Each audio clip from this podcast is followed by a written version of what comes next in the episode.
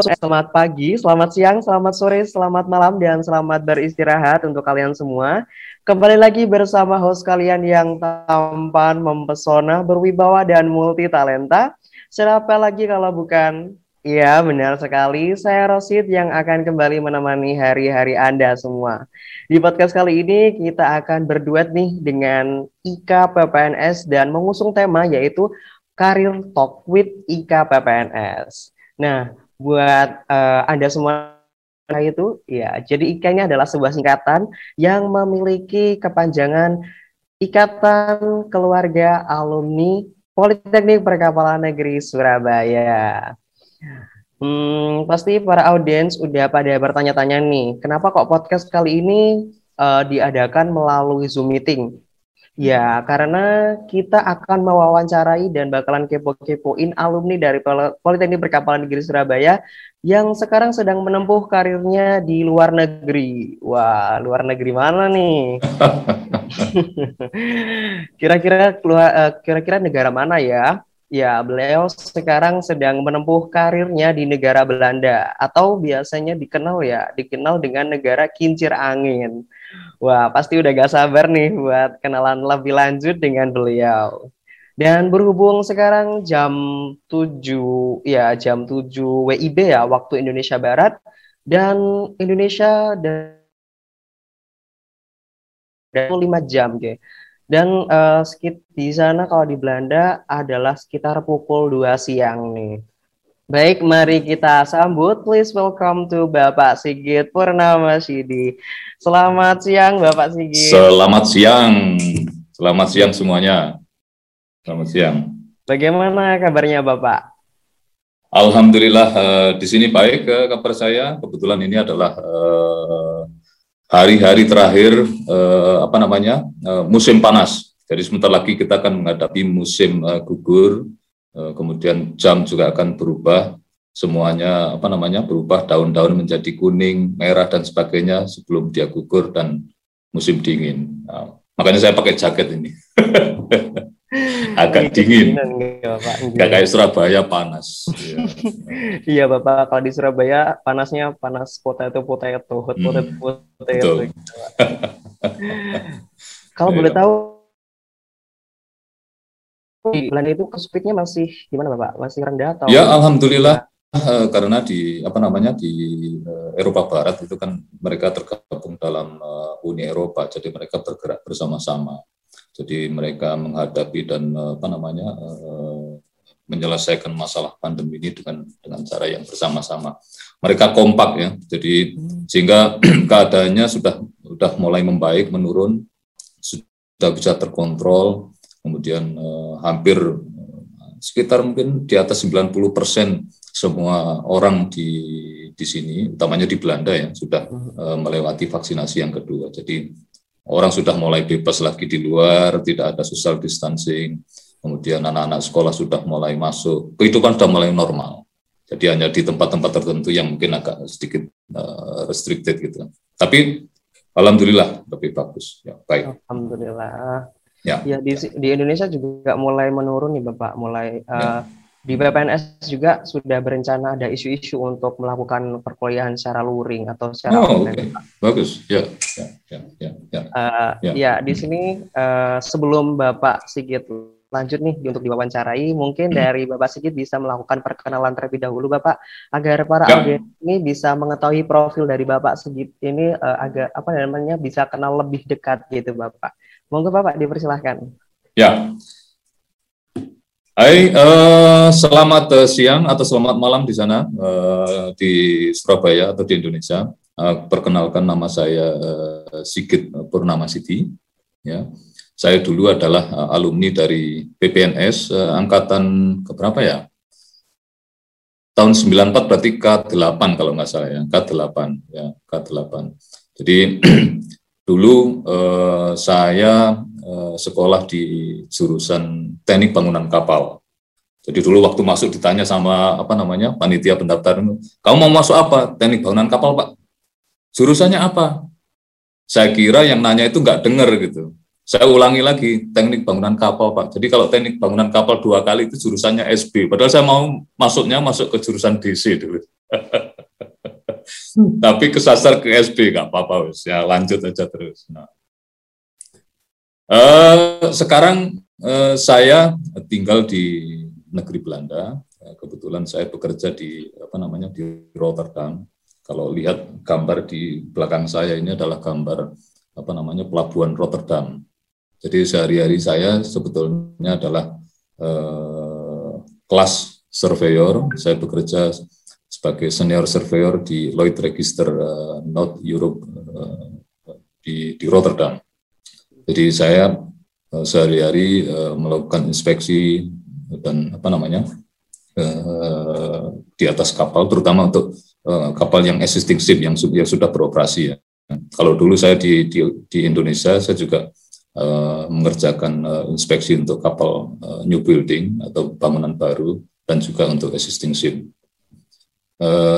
Saya tinggal di Belanda tapi tidak di Rotterdam karena Rotterdam uh, besar ya. Jadi saya tinggal di di Delft kalau mas-mas uh, atau mbak-mbak semua dengar namanya Technical University Delft, nah itu dekat dengan rumah saya. Mudah-mudahan nanti bisa lanjut ke sini dan ketemu dengan semua kawan-kawan mahasiswa dan alumni.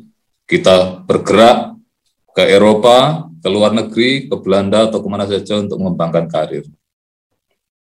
Ya. Iya, sudah Bapak. Iya. Ya. Baik, terima kasih ya Bapak uh, karena sudah berkenalan. Wow, sangat luar biasa sekali ya Bapak Sigit ini. Ya. Salah satu alumni dari Politeknik Perkapalan Negeri Surabaya yang sekarang sedang berke, uh, berkarir di Belanda di luar negeri. Wow, keren banget sih. Dan juga uh, menurut dari uh, apa yang sudah Bapak Sigit katakan tadi, Bapak Sigit ini adalah mahasiswa adalah uh, mahasiswa ya dari uh, teknik bangunan kapal, gitu Pak. Ya betul. Atau terkenal dengan istilah SB. Oke, dari SB. ya. Shipbuilding itu ya Bapak ya. Shipbuilding, shipbuilding. Padahal Dan dulu juga, maunya masuk DC, desain construction, tapi sasar masuk SB, nggak apa-apa. Enggak, Bapak. Dijalani aja gitu, Bapak ya. Ya, oke. Okay. Sip, sip, sip, sip. Ya, uh, menurut apa yang sudah dipaparkan dari Bapak Sigit tadi, uh, dan dipa dapat dipastikan ya, Bapak Sigit ini adalah narasumber yang sangat luar biasa nih, Bapak. Nah, hmm. sekarang Bapak Sigit sudah bekerja di luar negeri, yaitu di Belanda, dengan memiliki jabatan dan tugas sebagai Senior Surveyor Marine and Offshore North Europe uh, Lodis Register AMEA ya Bapak ya, benar ya, ya betul, Bapak? Betul, betul, Wow, sangat luar biasa sekali. Betul. Saya menyebutkan dari perusahaannya aja dan jabatan dari Bapak aja udah merinding nih Bapak. biasa aja lah, biasa aja. Hmm. Semoga kita bisa sukses ya Bapak ya, ya amin. Ya, amin. ya, ya. Nah, kira-kira kalau boleh tahu nih Bapak, uh, Bapak kan sedang ada kesibukan uh, kesibukan kesibukan apa nih Bapak dalam waktu dekat ini? Ya, karena Rotterdam itu kan pelabuhan besar ya, jadi hub untuk masuk ke daratan uh, Eropa. Jadi uh, ada Rotterdam, ada Antwerp, uh, ada Amsterdam, Hamburg, Bremerhaven dan sebagainya. Jadi karena ini salah satu pintu masuk paling besar uh, ke daerah Eropa, tentu uh, pelabuhan Rotterdam juga memegang peranan yang sangat penting uh, dalam apa namanya dunia shipping industries, terutama yang di daerah Eropa Barat. Jadi mau nggak mau banyak kapal yang yang datang uh, silih berganti masuk dan keluar ke pelabuhan Rotterdam. Dan itu semua membutuhkan apa namanya uh, pengecekan atau inspeksi dan sebagainya untuk kelayakan dan dan apa namanya entah itu perbaikan riba dan sebagainya. Jadi uh, kehidupan untuk apa namanya dunia, dunia industri perkapalan di di Rotterdam tentu apa namanya sangat rate-nya sangat tinggi gitu. Nah, di situlah kesempatan eh, kawan-kawan kita yang belajar tentang dunia perkapalan mungkin akan eh, peluangnya menjadi lebih besar. Makanya salah satunya saya sebagai alumni eh, ya punya alasan untuk bisa datang ke ke ke sini lah. Hmm, karena padat ya. itu ya pak ya. Ya betul betul. Uh, sangat sangat padat sekali ya Pak ya uh, karena tadi kan tadi pelabuhan sangat uh, banyak rame ya Bapak ya banyak uh, pelabuhan. Ya jadi di pelabuhan Rotterdam itu kan banyak. Jadi ada namanya petroleum haven, ada container terminal, ada dry bulk terminal. Jadi segala macam jenis kapal dari tanker, kontainer, eh, bulk carrier, chemical tanker, gas tanker, sampai tugboat yang kecil-kecil itu ada aja semua di sini, semua di sini. Dan itu eh, tentu kalau kita ingin tahu, pastikan apa namanya uh, uh, kualifikasi dan apa namanya pengetahuan yang dibutuhkan untuk bisa terjun di dunia industri untuk menghadapi apa namanya uh, permintaan atau uh, kebutuhan uh, baik itu surveyor ataupun di kalangan ataupun di mana saja yang terkait dengan sipil industri akan peluangnya semakin banyak gitu semakin hmm. banyak. Hmm. Wow sangat sangat sibuk ya bapak bapak ya, betul, berarti. Betul, betul. Terima betul. kasih ya bapak ya karena uh, sudah meluangkan waktunya bagi kita semua untuk uh, bisa melakukan podcast ini dan juga bisa berbincang-bincang dengan kita semua, Bapak. Ya, ya, ya, ya. ya, baik Bapak, uh, mari kita untuk uh, apa namanya? bisa dikatakan flashback gitu, atau bisa mengorek-ngorek kenangan-kenangan di masa lalu gitu, Bapak. Oke, okay, ya. Uh, Nah, kira-kira Bapak Sigit ini ada cerita nggak Pak buat uh, kita semua berbagi cerita gitu? Pengalaman-pengalaman apa aja sih Bapak yang uh, dulu itu ketika sudah menjadi mahasiswa mungkin ada pengalaman duka ataupun suka atau momen-momen yang uh, tidak terlupakan sampai sekarang gitu Bapak? Monggo Bapak. ya, kalau uh, apa namanya momen yang paling diingat, paling suka itu jelas ada dua. Yang pertama ketika diterima masuk dan yang kedua ketika dinyatakan lulus. Di antara dua itu duka semua pokoknya.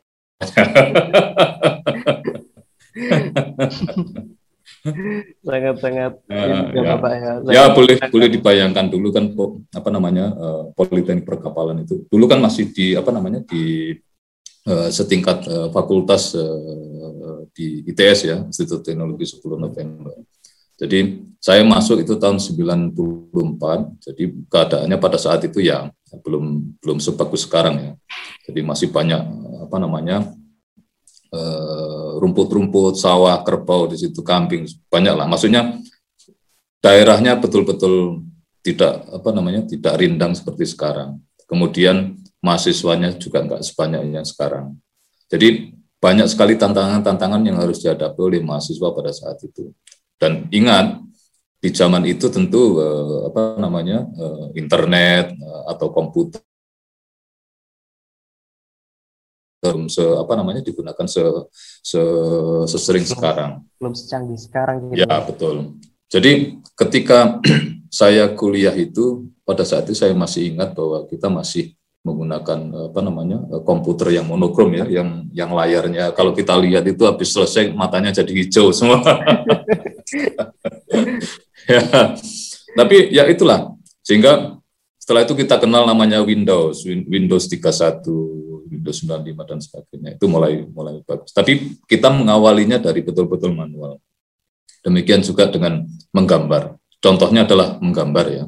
Jadi di dalam apa namanya eh, dunia perkuliahan di, di Politeknik Perkapalan tentu kita harus mengikuti namanya tugas gambar. Nah, tugas gambar itu kan dulu karena tidak ada uh, AutoCAD ya, AutoCAD masih baru baru muncul waktu itu. Oh. Jadi kita lebih banyak menggunakan apa namanya uh, manual dengan kertas kalkir dan sebagainya. Jadi ya itu perjuangan perjuangan betul itu mas, yang harus kalau salah harus di apa namanya lagi. diulangi lagi pakai rapido belum aduh banyak pak perjuangannya banyak belum harus eh, apa namanya nggak bisa tidur malamnya ya banyak banget banyak banget ya meskipun itu salah satunya Iya, Pak. Meskipun online sekarang uh, masih banyak Bapak uh, mahasiswa-mahasiswa yang masih belum bisa tidur. Karena Jadi zaman dulu itu kalau anak perkapalan itu eh, gampang di apa namanya di ininya dititen apa bahasa Indonesia-nya kalau dititen itu. Jadi kalau dia bawa tabung besar di di punggung, oh ini pasti anak perkapalan karena dia harus bawa gambar terus kan setiap hari. ya. Sama kayak arsitek gitu bapak ya. Arsitek betul betul betul betul betul. Nah, kalau dari uh, ya terima kasih Bapak karena sudah berbagi pengalamannya di bangku hmm. mahasiswa nih Bapak. Nah, ketika uh, tadi kan sudah membahas mengenai waktu Bapak Sigit uh, menjadi ya. mahasiswa. Yeah.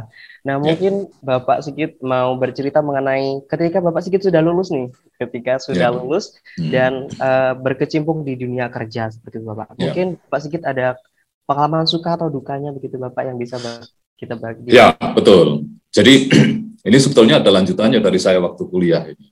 Jadi ketika saya kuliah itu, ya, ketika ketika saya masih kuliah, itu biasanya kan kita dikasih tugas gambar. Jadi masing-masing mahasiswa itu dikasih tugas kamu gambar ini uh, apa? Gambar kapal nggak tahu general cargo atau tanker atau apa nanti dikasih apa namanya principal dimensionnya gitu ada yang 60 meter ada 100 meter. Tapi kebanyakan kalau kalau politeknik itu nggak nggak besar, jadi kecil-kecil kapal kecil-kecil biasanya. Nah, kebetulan kawan-kawan yang lain atau mahasiswa yang lain itu selalu menggambar yang yang normal-normal saja gitu. Kalau tanker ya tanker biasa gitu. Kalau apa namanya general cargo ya biasa. Saya waktu itu nggak mau itu ngapain gambar kayak gini. Ini kan sudah biasa gitu. Jadi saya punya punya ide untuk gambar. Saya dikasih tugas gambar tanker waktu itu. Tapi yang saya gambar adalah gas tanker. Jadi yang pertama kali. Jadi pertama kali gambar gas tanker beras juga nggak nggak ngerti saya. Gas tanker itu kayak apa? Saya cuma pergi ke perpustakaan lihat-lihat buku gambar gas tanker saya gambar seperti itu. Dan itu menjadi menjadi cerita apa namanya di angkatan saya. Jadi ceritanya lucu gitu. Jadi ketika saya gambar gas tanker itu akhirnya kan menjadi menjadi masalah karena begitu saya ngitung konstruksinya itu bagaimana, ininya bonjennya bagaimana, hidro, kalau hidrostatiknya oke okay lah, masalah. Tapi seterusnya kan menjadi susah gitu, karena nggak ada yang ngasih tahu, dan dosennya pun mungkin belum tentu tahu gitu. jadi, jadi akhirnya eh, saya ditanya sama kawan-kawan, loh ini terus piye iki? Ya wis Surabaya lah Yang penting kalah menang cacak sini. Maksudnya kalah menang coba dulu gitu kan. Nah, kalau nanti ditanya gimana, ya ngawur aja lah. Kalau dijawab ngawur, dosennya nggak nanya balik, berarti sama-sama nggak tahu gitu. Dan ternyata betul, ternyata betul. Ketika mau lulus itu kan pasti ada namanya ujian apa namanya ujian tugas gambar ya. Jadi sebelum ujian skripsi itu kan ada ujian tugas gambar. Saya masih ingat, saya lupa nama sudah almarhum jadi bapaknya. Jadi kalau namanya juga Pak siapa Pak Direktur yang dulu Pak Mahfud ya juga itu kalau ketemu saya saya selalu di kawan ini kan gambar apa mesti jadi kayak gitu. Nah, jadi jadi yang saya masih ingat itu uh, ada uh, dosen yang nanya, nah, terutama kan karena kan bentuknya kan kalau gas tanker itu yang saya gambar kan tipenya tipe MOS ya. Ada kan ada tipe membran, ada tipe MOS, ada GTT dan sebagainya itu jenis-jenis gas tanker. Kebetulan bulat-bulat gitu kargo tanknya. Jadi, nah saya ditanya waktu ujian itu, lagi ini gimana nih cara ngelasnya? Ya saya jawab dengan enteng, ya dilas seperti biasa pak. Akhirnya beliaunya nggak nanya balik, berarti kan sama-sama nggak tahu gitu. Nah itu jadi bahan bahan bahan candaan, bahan ketawaan sampai sekarang itu. Jadi itu saya masih ingat sampai sekarang. Jadi kawan-kawan saya pun satu jurusan itu kalau kalau membicarakan nostalgia zaman dahulu waktu kuliah itu selalu yang diingat-ingat cerita tentang itu. Tapi pada akhirnya saya merasa berutang budi gitu. Maksudnya berutang saya harus mempertanggungjawabkan apa yang saya saya sampaikan tadi pada saat ujian. Nah, itulah yang membuat saya apa namanya eh, bagaimana dalam apa namanya karir saya ingin mencari eh, tentang pengetahuan yang tidak saya dapatkan tadi di sekolah karena saya harus bertanggung jawab ya. mau tidak mau saya harus eh, mencari tahu sendiri pengetahuan tentang gas tanker. Alhamdulillah makanya saya sekarang bekerja di Lloyd Register makanya Lloyd Register akhirnya apa namanya menyekolahkan saya jadi saya dikirim ke Andalusia di Spanyol untuk mempelajari uh, tentang teknologi uh, tanker gas, gas tanker. Jadi alhamdulillah mungkin saya salah satu dari orang-orang uh, di Indonesia yang mungkin uh, apa namanya punya ini kesempatan untuk belajar mengenai gas tanker. Jadi kalau kita bicara tentang uh, apa namanya rules uh, international uh, gas ship itu sebetulnya adalah copy paste dari uh, rule-nya Lloyd Register mengenai gas tanker. Jadi dari dari situlah dari cerita ketika kita mahasiswa kita hanya apa namanya bercanda tapi akhirnya kita uh, apa namanya uh, uh, harus punya tanggung jawab dan akhirnya ini menjadi sebuah kenyataan bahwa kita akhirnya bisa menguasai dan uh, punya kesempatan untuk mempelajari suatu teknologi yang tidak tidak apa namanya tidak semua orang bisa uh, ini mendapatkannya. Jadi itu salah satu apa namanya uh, ya cerita cerita duka dan cerita suka yang yang bisa saya sampaikan pengalaman selama saya kuliah dan saya berkarir di apa namanya di di sini setelah lulus dari uh, PPNS. Tapi PPNS betul-betul memberikan suatu inspirasi kepada uh, mahasiswanya, kepada alumninya, bagaimanapun suka dan dukanya cerita pada saat kita masih kuliah. Dan itu top. Saya apresiasi dengan top. Ya. Oh, baik, terima kasih Bapak atas apresiasinya dan juga wah ya. tadi saya ketawa-ketawa sendiri Bapak ya. mengenai cerita sukanya tadi. Mungkin Jadi kalau ditanya dosen jangan jangan takut, jawab aja sekenanya. Pokoknya kalau dia nggak nanya balik, berarti dia nggak ngerti juga sama aja gitu. Nah, kalau dia nanya balik, wah berarti dia lebih tahu dia. Siap-siap. itu triknya. Ya. Iya, itu triknya. Dikasih trik loh uh, para audiens buat bapak dari bapak sedikit ini. Iya, iya. Biar. Tapi ada beberapa dos. Memang selama saya kuliah itu ya ada beberapa dosen yang betul-betul memberikan inspirasi kepada saya. Maksudnya entah itu dari pembawaannya atau dia dari apa namanya eh, ya banyak cerita sebetulnya banyak cerita banyak cerita. Ada yang ada yang lucu, ada yang apa namanya jengkelin, ada yang macam-macam. Tapi itu jadi cerita, jadi cerita. Bagus, bagus. Hmm pasti uh, mendengar cerita dari Bapak Sigit ini uh, mungkin dari teman-teman atau rekan-rekan dari Bapak Sigit ini udah pada ketawa-ketawa nih Bapak ya. ya, kita dulu itu kan uh, akhirnya karena saya salah jurusan sebetulnya ya maunya ke DC desain konstruksi ternyata saya malah diterima di shipbuilding di SB gitu kan. Tapi nggak apa-apa. Jadi uh, waktu itu yang saya ingat kalau nggak salah total total satu angkatan dari empat jurusan itu sekitar seratusan orang. Jadi uh, apa namanya? Uh, sa saya dulu uh, di SP itu uh, total sekitar 30 orang. Jadi dari 30 orang itu yang masuk uh, akhirnya yang lulus uh, sekitar 20 orang. Mungkin nggak sampai 20 orang. Karena yang yang sisanya ada yang uh, pindah sekolah, ada yang apa namanya? Uh, mengambil jalan yang lain atau dan sebagainya. Tapi dari dari 20 orang yang lulus itu, alhamdulillah eh, kita semua eh, bisa dikatakan eh, berhasil, sukses ya. Jadi salah satunya saya ada di sini, kemudian ada yang juga sekarang dua orang sudah menjadi perwira menengah di TNI AL, Angkatan Laut, mereka memilih jadi tentara, ada yang jadi dosen di apa namanya Kodikal, yang satunya lagi menjadi perwira menengah di Lantamal di, di, Kalimantan kalau nggak salah. Kemudian ada lagi yang eh, apa namanya berkarir di eh, PT PAL, ada yang sudah menjadi top master, ada yang pokoknya berkecimpung jadi orang-orang penting di, di PT PAL. Kemudian yang apa namanya bergerak mengambil eh, usaha sendiri atau mandiri, banyak juga yang menjadi apa namanya kontraktor di bidang perkapalan dan sebagainya.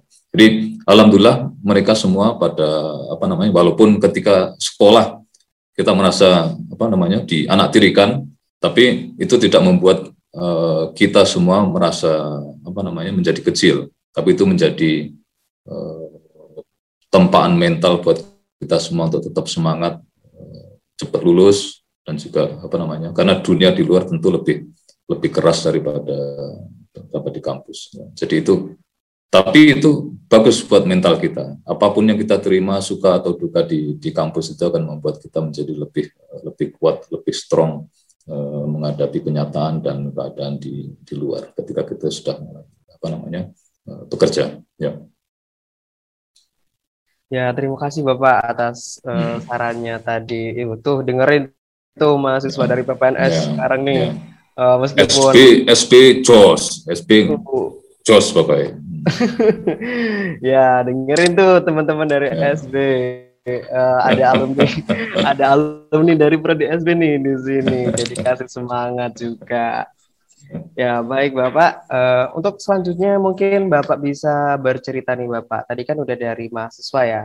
Uh, mungkin ketika Bapak sudah lulus atau mau menempuh karirnya di Belanda atau sebelum ke Belanda nih Bapak, mungkin dari Bapak sedikit uh, berkenan untuk bercerita lagi gitu Bapak. Ya. Monggo. Jadi tentu uh, kita apa namanya uh, suatu yang besar itu kan dimulai dari yang kecil tidak ada sesuatu yang instan. Jadi apa pun uh, yang kita apa namanya peroleh itu kita harus yang penting adalah prosesnya ya proses. Jadi kita mulai dari yang kecil, kemudian kita menjadi besar dan besar dan besar dan besar. Itu itu yang penting. Jadi kita tahu. Jadi tidak ada tiba-tiba langsung jadi besar, tidak ada.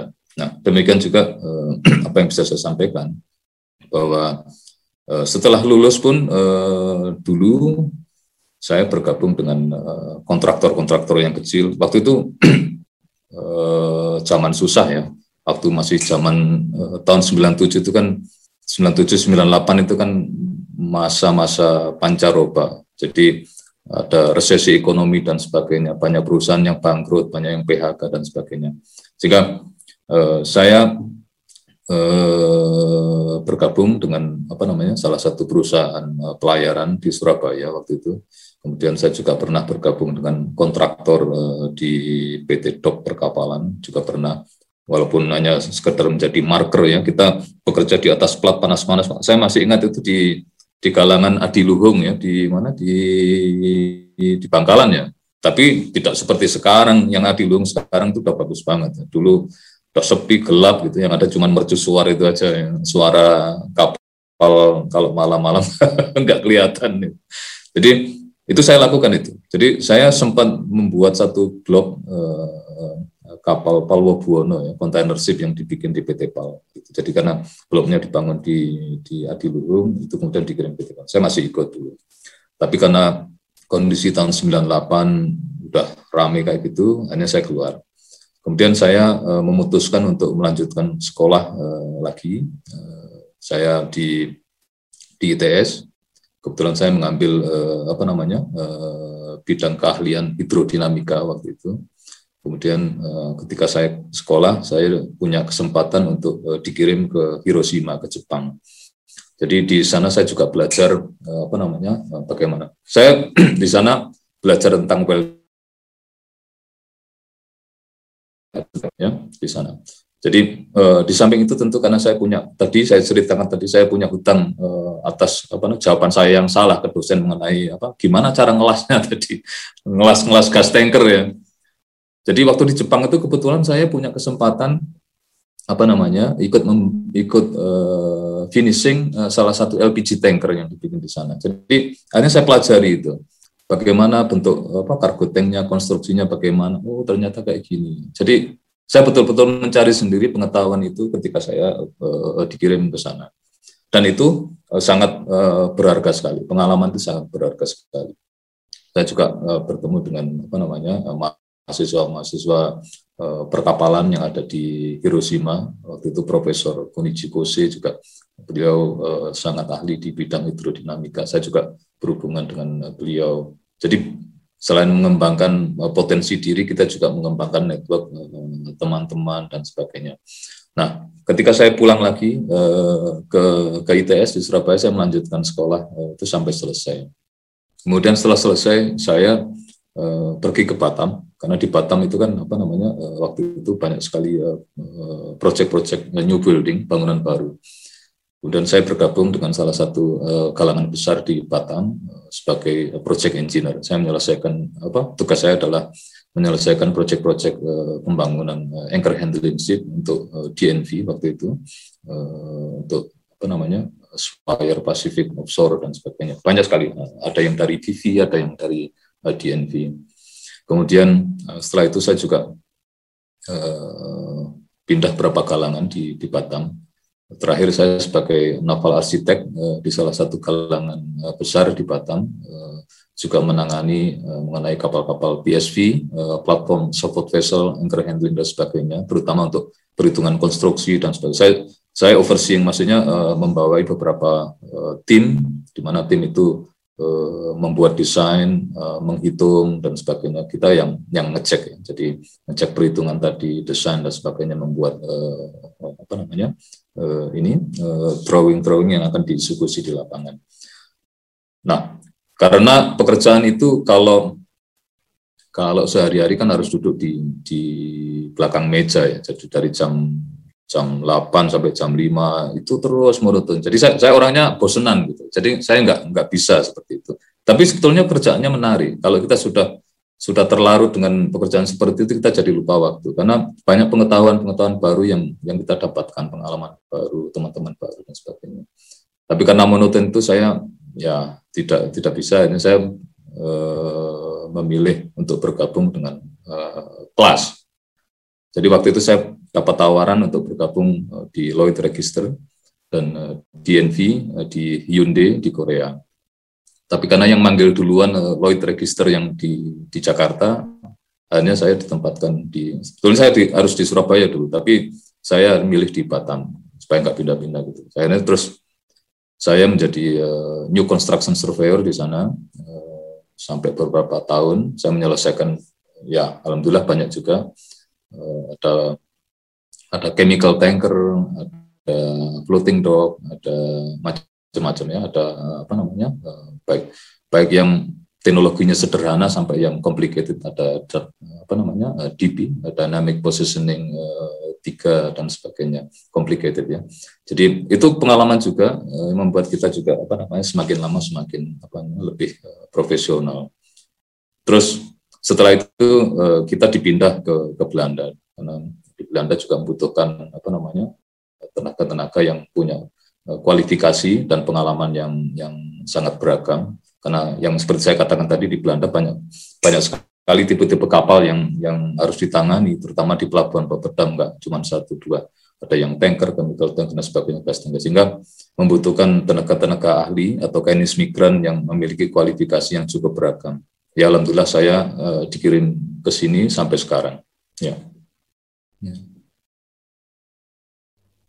Wow, sangat ini ya Bapak ya, sangat krusial sekali ya Bapak ya, sangat apa namanya, sangat uh, sulit sekali begitu ya Bapak ya, uh, karena ya, jadi intinya intinya ada sesuatu yang besar itu kan diawali dari yang kecil, jadi uh, ya sedikit-sedikit lama-lama jadi bukit, nah itulah ya. itu konsepnya itu.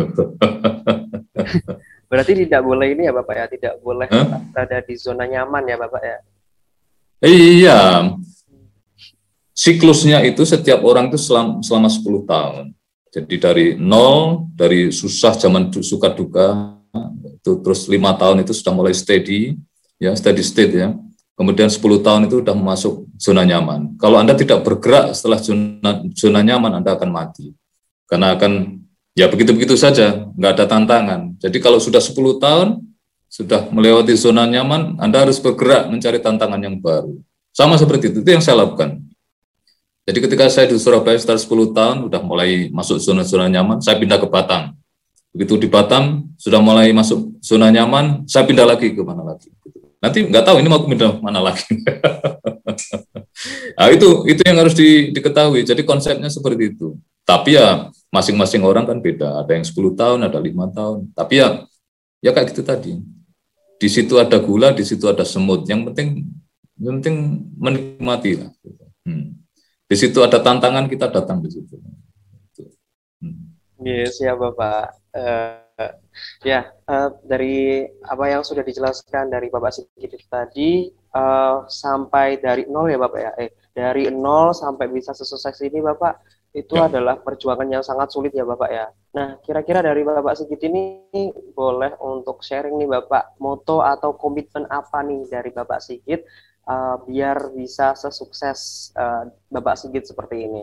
Begitu Bapak. Ya, tetap semangat, jangan menyerah, go ahead, kalah menang coba. Siap, Siap, siap. Sangat menginspirasi sekali Bapak ya. Tetap ya. semangat, ya. menginspirasi dan juga apa tadi Bapak? Kalah menang coba pokoknya. Oh, coba dulu. Menang coba. Hmm. Oh iya, hmm. benar sekali. Ngerti gak ngerti coba dulu. Nah, tadi gitu ya Bapak ya dari Iya, yang... bisa nggak bisa coba dulu. Uh, uh, meskipun ditanya dosen, meskipun nggak uh, tetap dijawab gitu Bapak. Dijawab iya. Pak dosennya nggak nggak nggak nanya lagi berarti sama-sama nggak tahu. geng geng ya Bapak. Iya. Nah kira-kira uh, menuju ke Disnatalis ke-34 PPNS ini Bapak. Uh, kira-kira dari Bapak sedikit ada pesan atau uh, motivasi nih Bapak buat mahasiswa Politeknik Perkapalan Negeri Surabaya ini? Ya, semoga mahasiswa-mahasiswa sekarang uh, apa namanya uh, bisa lebih uh, maju dari kita yang dulu. Walaupun apa namanya kita suka dukanya banyak, tapi kita tetap survive. Jadi harapan saya mahasiswa-mahasiswa sekarang tentu harusnya lebih baik daripada kita, lebih maju daripada kita, lebih menguasai dunia daripada kita. Dunia itu tidak selebar daun kelor, jadi jangan nguplek-nguplek di Surabaya saja, jangan di Batam, jangan di Indonesia, kalau bisa ke Belanda, ke Norwegia, di mana. Anak SB, angkatan saya, yang lulus cuma 20, sudah sampai ke Belanda, ada yang di Norwegia, di Hagesun, ada yang di Azerbaijan, ada di Malaysia, ada di mana-mana. SB, JOS. Mantap, SB, JOS. Waduh, teman-teman SB ini pada pada bersemangat ya. nih Bapak nih, karena sudah diberikan semangat oleh Bapak Sigit. Baik, uh, setelah ya. dapat salam, uh, setelah mengucapkan apa namanya beberapa motivasi kepada uh, mahasiswa PPNS, Nah mungkin Bapak Sigit ada harapan buat Politeknik Perkapalan Negeri Surabaya kampus kita tercinta ini. Monggo Bapak. Ya, eh, Politeknik Perkapalan eh, eh, harapan saya semoga menjadi eh, lebih besar, lebih maju, lebih bermanfaat bagi semuanya dan menjadi eh, apa namanya salah satu eh, institusi eh, pendidikan atau tinggi yang yang mumpuni yang bisa bersaing tidak hanya di tingkat nasional, tapi bisa bersaing di tingkat internasional. Bisa dikenal di mana-mana. Politeknik itu bukan perguruan tinggi yang ecek-ecek, tapi itu perguruan tinggi yang bagus.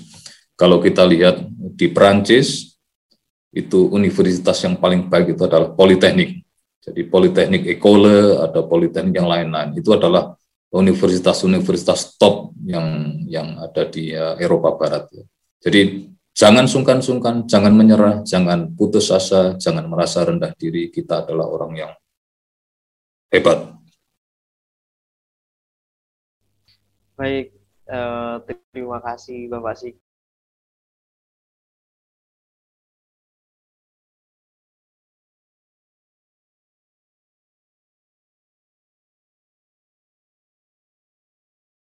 ini dapat sesuai dengan uh, apa namanya sesuai dengan harapan-harapan kita. Amin amin ya rabbal alamin. Ya, ya, ya. Nah, uh, baik uh, mungkin hanya itu saja Bapak Sigit uh, atas wawancara yang uh, di podcast kali ini dan saya mohon izin untuk uh, memberikan kesimpulan nih Bapak. Jadi tadi uh, bahwa uh, beliau atau Bapak Sigit ini adalah salah satu alumni dari Politeknik Perkapalan Negeri Surabaya yang sudah sukses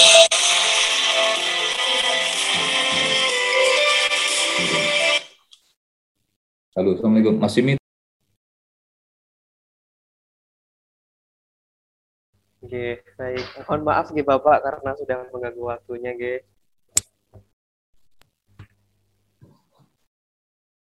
Ya, baik. Saya mohon izin untuk melanjutkan. Uh, jadi podcast uh, kali ini kita kedatangan dari narasumber yang sangat hebat sekali ya, dan juga uh, beliau ini adalah salah satu uh, alumni yang sukses dan sekarang bekerja di negara Belanda seperti itu, dan juga beliau ini adalah alumni yang uh, sangat penuh dengan tantangan ya Bapak ya, penuh dengan tantangan sehingga bisa ya. menjadi sukses seperti ini. Dan juga tadi Bapak Sigit sudah bercerita banyak mengenai pengalaman-pengalaman yang sangat seru sekali. Saat menjadi mahasiswa PPNS. Ya. Tadi ada ini gitu Bapak, ada yang sukanya itu uh, mohon maaf Bapak, apakah suara saya terdengar? Enggak, enggak, ya oke, okay. terdengar, terdengar. Hmm. Oke, okay. baik. Saya mohon izin untuk lanjutkan gitu Bapak. Ya, ya. Jadi tadi Bapak Sigit sudah bercerita nih mengenai uh, suka dukanya di PPNS yang tadi sukanya itu masuk ya karena diterima dan juga uh, karena lulus begitu. Dan tadi ada cerita menarik nih, cerita lucu dari Bapak Sigit yeah, yang tadi yeah. gambar-gambar bulat-bulat itu ya Bapak ya. Gimana yeah. cara ngelasnya seperti itu? ya dilas seperti biasa pak uh, padahal kan nggak nggak semudah itu ya ngelasnya jadi kan gas tanker itu kan eh, apa namanya eh, materialnya kan berbeda jadi ya tentu cara pengelasannya kan berbeda. Jadi jawaban saya tentu kan salah tapi beliaunya tidak tanya lagi. Berarti kan anggapannya sama-sama nggak ngerti. Ya wis lah Tapi saya bertanggung jawab hanya insya, ya insya Allah saya apa namanya karena saya merasa bersalah jadi saya harus mempelajari itu sendiri. Pengetahuan dan teknologi itu saya pelajari sendiri. Alhamdulillah saya diberi kesempatan untuk eh, belajar itu dikirim uh, oleh Lloyd Register jadi belajar untuk uh, apa namanya uh, menguasai teknologi uh, gas tanker. Oke, wah berarti Bapak Sigit ini uh, terinspirasi oleh kesalahan dari Bapak Sigit gitu Pak ya, termotivasi gitu. Betul, ya. termotivasi. Jadi motivasi itu bisa bisa didapat dari apa namanya? Yaitu tadi suka dan duka tadi itu. Jadi asalnya dari bercanda jadi beneran akhirnya. Iya. Hmm. Tapi ya. kan kita akhirnya kan apa namanya? Ya mudah-mudahan uh, saya dimaafkan oleh dosen beliau tadi. Amin, amin ya rabbal amin, amin, amin. Mungkin beliau sedang senyum-senyum nih Bapak karena mudah-mudahan. karena mahasiswanya dulu udah sukses ini begitu, ilmunya yang ya, diberikan sudah bermanfaat. Mudah-mudahan. Gitu, ya. Bapak. Nah, baik Bapak, uh, untuk itu saya apa namanya? bisa melakukan jargon gitu Bapak. Ya, oke. Okay. Ya, ya. Uh, mengingatkan izin mengingatkan lagi ya Bapak untuk jargonnya nanti ketika saya mengucapkan Disnatalis ke-34 nanti kami bersama-sama mengucapkan melejit bersama vokasi gitu ya Bapak. okay. hmm. Nanti dilanjut dengan uh, saya akan mengucapkan PPNS nanti kita bersama-sama mengucapkan sukses seperti yeah, itu. Oke. Okay. Ya. Yeah. Baik. Uh, mohon izin Bapak untuk mengepalkan tangan terlebih dahulu. Ya. Baik. Disnatalis ke-34 PPNS melejit melejit bersama vokasi. Iya. PPNS sukses. Sukses. Mantap. Terima kasih Bapak Sigit ya. karena sudah uh, berkenan untuk melakukan podcast bersama kami dan juga meluangkan waktunya di kala kesibukannya dan juga mohon maaf uh, karena sudah mengganggu Bapak Sigit uh, atas ya.